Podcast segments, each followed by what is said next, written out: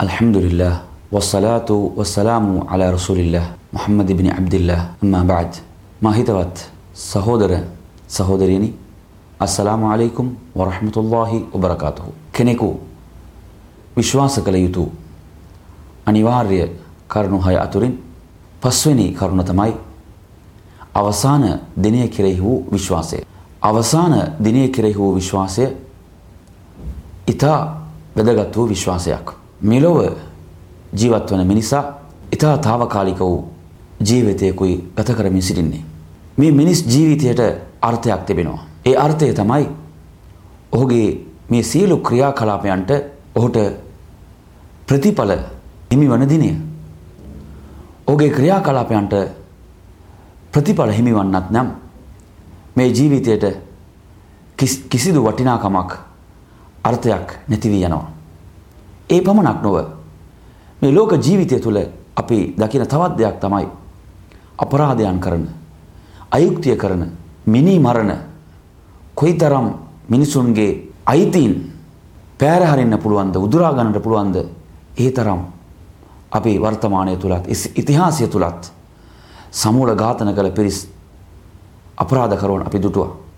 මොවුන්ගේ මේ අපරාධයන්ට නිසි දඬුවම් මේ ලෝකයේ තුල ලැබුණද? හිමි වුණාද? ඒ පමණක් නොව සාධාරණ ලෙස යුක්ති සහගත ලෙස ජීවත් වූ අයට ඔවුන්ගේ ඒ පිවිතුරු ජීවිතයට නිසි ප්‍රසාදයන් හිමි වුණාද? මේ ප්‍රශ්නයට පිළිතුර නැහැ කියන පිළිතුර තමයි. ඉතින් මේ වෙනුවෙන් අල්ලා අවසාන දිනයක් විනිශ්චය දිනයක් ඔහු නියම කර තිබෙනවා. ඒ දිනය තුල මේ සියල්ලට ප්‍රතිඵල හිමි වෙනවා. කිසිවෙකුට ඒ අවසාන විනිශ්චය දිනයෙන් පලා යන්නට හෝ බේරී යන්නට හෝ කිසිම අවස්ථාවක් ලැබෙන්නේ නැහැ. මුල්ම මිනිසා සිට අවසාන මිනිසා දක්වා සියලු අය ඔහු ඉදිරියේ විනිශ්චය සඳහා නැගිටුවන් ලබන දිනය තමයි අවසාන දිනය. මෙහි කොටස් දෙකක් වශයෙන් අපට බෙදාවෙන් කර දැනගන්නට පුළුවන්. ඒ එක් කොටසක් තමයි මරණින් මතු ජීවිතය. මරණින් මතු ජීවිතය කියන්නේ අල් කුර්ආනය මේ ජීවිතය අපට මේ ආකාරයට විස්තර කරනවා. වමින් වරායිහිම් බර්සඛුන් ඉලා යෝමි යුබ්අසුන්. ඔවුන් යලි නැගිටුන් ලබන දිනයතෙක් තිරේ පිටුපස ජීවිතයක් ඔවුන් ගත කරනවා කියා. ඒ ජීවිතය මිනිස් ඉන්ද්‍රියන්ට ගැටෙන ජීවිතයක් නොවේ. මිනිසාගේ කල්පනා කිරීම ශක්තිය බුද්ධිය කියන එක ඉතා සීමිතයි. මිනිස් ඉන්ද්‍රියට ගැටෙන ජීවිතයක් නොවේ මරණින් මතු ජීවිතය. ඒ නිසයි අල් කුර්ආනයේ ඒ ජීවිතය පිළිබඳ සඳහන් කරන්නේ එය තිරේ පිටුපස වූ ජීවිතයක්.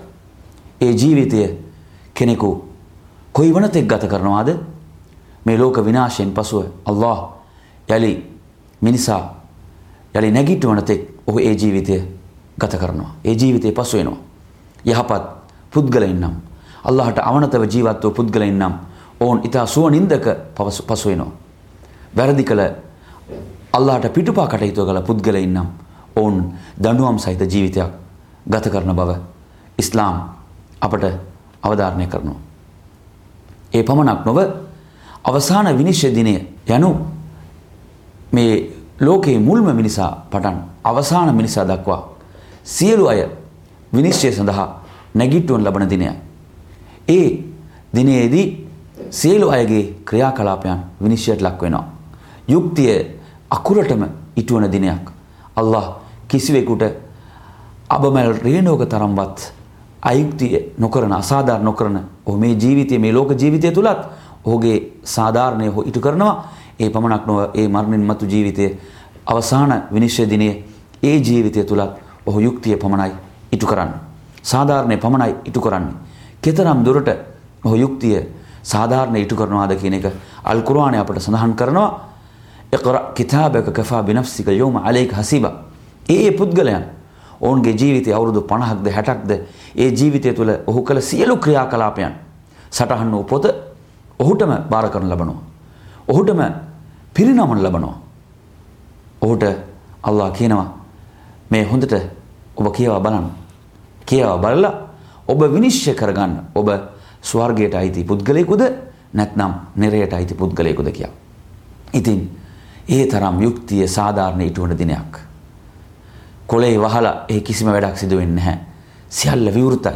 ඔහුටම ඔහුගේ ජීවිතයේ සියල්ල සටහන් පොත ඔහුගේ අතට පත් කරනු ලබනවා. ඔහුට විනිශ්චය කරගන්න පුළුවන් මම අයිති නිරයටද ස්වර්ගයටද කියලා.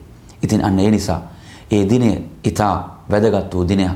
අල්ලාහ් අල් කුර්ආන් සඳහන් කරනවා යා අයියුහල්ලදීන ආමනු විශ්වාසවන්තයිනි ඉත්තකුල්ලාහ් අල්ලාහට ඔබලා බියවන්න වල් තන්දුර් නෆ්සුන් මා කද්දමත් ලිගදින් සෑම ආත්මයක්ම සෑම මිනිසෙකුම බැලිය යුතුයි හෙට දිනය සඳහා මා සූදානම් කර යවා තිබෙන්නේ කුමක්ද කියා. හෙට දිනය කියා අල්ලාහ් සඳහන් කරන්නේ ඒ තීරණාත්මක ඒ සදාතනික ජීවිතයයි. මේ ලෝක ජීවිතය తాවකාලිකව පැවැත්මක් පමණයි. මේ తాවකාලික අවස්ථාව ලැබී තිබෙන්නේ ඒ සදාතනික ජීවිතය අපි සූදානම් කර ගැනීම සඳහා. ඒ අවසාන විනිශ්චය දිනය ඒ දිනෙන් පසුව ඔහු ගත කරන්නට යන දින ජීවිතය ඉතා සදාතනික වූ ජීවිතයක්. අවසානයක් නොමැති ජීවිතයක්. ඒ ජීවිතය තුළ සෑම පුද්ගලයකුම අල්ලා ඉදිරියේ විනිශ්චයට ලක් වෙනවා. ඒ දිනයේදී සිදුවන සිද්ධාමයන් අතුරින් අවසාන දූතවරයා මුහම්මද් නබිතුමාණන් එතුමාණන්ට ඉතා ශ්‍රේෂ්ඨ වූ ඉතා උසස් වූ පිළිගැනීමක් අල්ලා ඉදිරියේ තිබෙනවා. එතුමන් තමයි මුළු මහත් මානව සංහතියටම අල්ලා ඉදිරියේ කරන ඒ ශෆාතය රකමාදාරුව වෙනුවෙන් එතුමන් ඉදිරිපත් වෙනවා. ඒ අවස්ථාව එතුමන්ට අල්ලා පිරිනමනවා. ඒ පමණක් නොව ඒ දිනයේදී එතුමානට හවුල් නම් තටාකය අල්ලා පිරිනමනවා. ඒ අවස්ථාවේදී එතුමන් තමන්ගේ දෙअතින් සියලු අයට ජලය පානය කිරීමට පිරිනමනවා. කියාත් ඒ තරම් ශ්‍රේෂ්ඨත්වයක් එතුමන්ට ඒ දිනයේදී හිමිවනවා. ඒ පමණක් නොව අල්ලා ඉදිරියේ විනිශ්චයෙන් පසුව කෙනෙකු සිරාත් නම් පාලම පසු කරයි ස්වර්ගයට හෝ නිරයට හෝ යා යුත්තේ. ඉතින් කවුරුන් මේ ජීවිතය තුළ අල්ලාහට අවනතව නිසි ආකාරයක ජීවිතයක් ගත කළාද ඔවුන් ඒ පාලම කියන්නේ ඊට ඉක්මනින් එය තරණය කරනවා. නමුත් සමහර අය ඔවුන්ගේ ක්‍රියාවන් අනුව එය තරණය කරනවා. ඔවුන්ගේ ක්‍රියාකලාපන් අනුවයි එහි ඒ කටයුතු සිදුවන්නේ. අවසානයේදී ස්වර්ගය යහපත් පුද්ගලයන්ට අල්ලාහට අවනතෝ පුද්ගලයන්ට ස්වර්ගය ඒ වගේම නිරය අල්ලාහට පිටුපා ඔහු ප්‍රතික්ෂේප කළ පුද්ගලයන් සදාතනිකව නිරයේ විසිය යුතුයි. නමුත් සුළු පාපයන් කළ මහත් පාපයන් කළ විශ්වාසවන්තයින් ඒ පාපයන්ට සමාන දඬුවමක් ලබා ගැනීමෙන් පසුව ඔවුන් ස්වර්ගයට ප්‍රවිෂ්ට වන බවත් ඉස්ලාම් අපට උගන්වනවා. ඉතින් අන්න ඒ නිසා මේ විශ්වාසය වැදගත් වූ විශ්වාසයක්. මේ විශ්වාසය ඉතා වැදගත් වූ විශ්වාසයක්. අපි මෙය අප තුළ හරියාකාරයට ගොඩනගා ගත යුතුයි. කෙතරම් දුරට මේ විශ්වාසය වැදගත් වෙනවාද කියා බලනවා නම් අල්ලාහ් අල් කුර්ආනයේ සඳහන් කරන විට අල්ලාහ් කෙරෙහි විශ්වාස තබන අවසාන දිනය කෙරෙහි විශ්වාස තබන කියා ඔහු සම්බන්ධ කර ඔහු කතා කරන අවස්ථාවන් අල් කුර්ආනයේ තිබෙනවා. ලිමන් කාන යර්ජුල්ලාහ වල් යවුමල් ආඛිර් කවුරුන් අල්ලාහගේ පිහිට අපේක්ෂා කරනවාද ඒ වගේම අවසාන දිනේ ඔහුගේ පිහිට අපේක්ෂා කරනවාද කියා ඔහු සම්බන්ධ කර කතා කරන අවස්ථාවන්. ඒ වගේම අවසාන දූතවරයා මුහම්මද් නබිතුමාණන් වරක් ප්‍රකාශ කරනවා මන් කාන යුමිනු බිල්ලාහි වල් යවුමිල් ආඛිර් කවුරුන් අල්ලාහ් කෙරෙහි හා අවසාන දිනය කෙරෙහි විශ්වාසය තබයිද ඔවුන් ෆල්යකුල් ඛෛරන් අව් ලියස්මුත් යහපත කතා කළ යුතුයි නැතහොත් ඔහු නිහඬව සිටිය යුතුයි කියලා එතුමාණන් කියනවා. මෙතනදී අපි බලන්න ඕන එතුමාණන් සම්බන්ධ කරන්නේ විශ්වාසයන් දෙකක්. එකක් තමයි අල්ලාහ කෙරෙහි වූ විශ්වාසය. දෙවනුව තමයි අවසාන දිනය කෙරෙහි වූ විශ්වාසය. මේ විශ්වාසයන් දෙක සම්බන්ධ කර එතුමාණන් කියන්නේ කොමක්ද? අප තුල යහපත් ගති පැවතුම් අපි ගොඩනගා ගත යුතුයි. යහපත් ගුණාංග අපි ගොඩනගා ගත යුතුයි කියන කාරණාව තමයි එතුමාණන් පැහැදිලි කරන්නේ. ඉතින් අන්න ඒ නිසා මේ විශ්වාසය ඉතා වැදගත් වූ විශ්වාසයක්. එතුමානන් තවත් වරක් කියනවා සෑම පුද්ගලයකුම අල්له ප්‍රශ්න හතරක් යොමු කරනවා. ඒ ප්‍රශ්න හතරට ඔහු නිසි අයිරින් පිළිතුරු නොසපයා ඔහුගේ දෙපා සෙලවීමට හෝ ඔහුට අවසරයක් ලැබෙන නැහැ කියලා. ඒ තරම් තිරණාත්මක අවස්ථාවක්. එතනදී ඒ යොමු කරන ලබන ප්‍රශ්න හතර කුමක්ද මුල්ම ප්‍රශ්නය තමයි අල්له අපගෙන් අසන ප්‍රශ්නය ඔබට ඔබලාටම ජීවිත කාලයක් පිරිනැමුවා. අවුරුදු 50ක් 60ක් මේ අඩු වැඩි වෙන්න පුළුවන්. මේ ජීවිත කාලය ඔබ ගත කළේ කෙසේද කියා අල්ලා ප්‍රශ්නයක් යොමු කරනවා. එවිට අපි සෑම මොහොතකටම විනාඩියකටම පැයකටම අපි අල්ලා ඉදිරියේ ගණන් සැපේ යුතුයි. ඔහු ඉදිරියේ අපි ගණන් දිය යුතුයි. ඒ පමණක් නොව තාරූණ්‍ය පිළිබඳව දෙවෙනි ප්‍රශ්නය යොමු වෙනවා. ඔබට අපි තාරූණ්‍යයක් ඊටමත් ශක්ති සම්පන්න ජවයෙන් යුතු අවධියක් අපි පිරිනැමුවා. මේ තාරුණ්‍ය ඔබලා ගත කළේ කෙසේද කියා ඔහු ප්‍රශ්න කරනවා. මේටත් අපි පිළිතුරු ලබා දිය යුතුයි. සමහර උදවිය සිතාගෙන සිටිනවා මේ තාරුණ්‍ය යනු අපි හොඳට අපි ජොලි කරන අවධියක් කියලා. කොහෙත්ම නැහැ සහෝදරරුනි. මේ කාලය තුල මේ දහම වෙනුවෙන් අපි ඊටු කළ යුතු මෙහෙවර අනන්තයි අප්‍රමාණයි.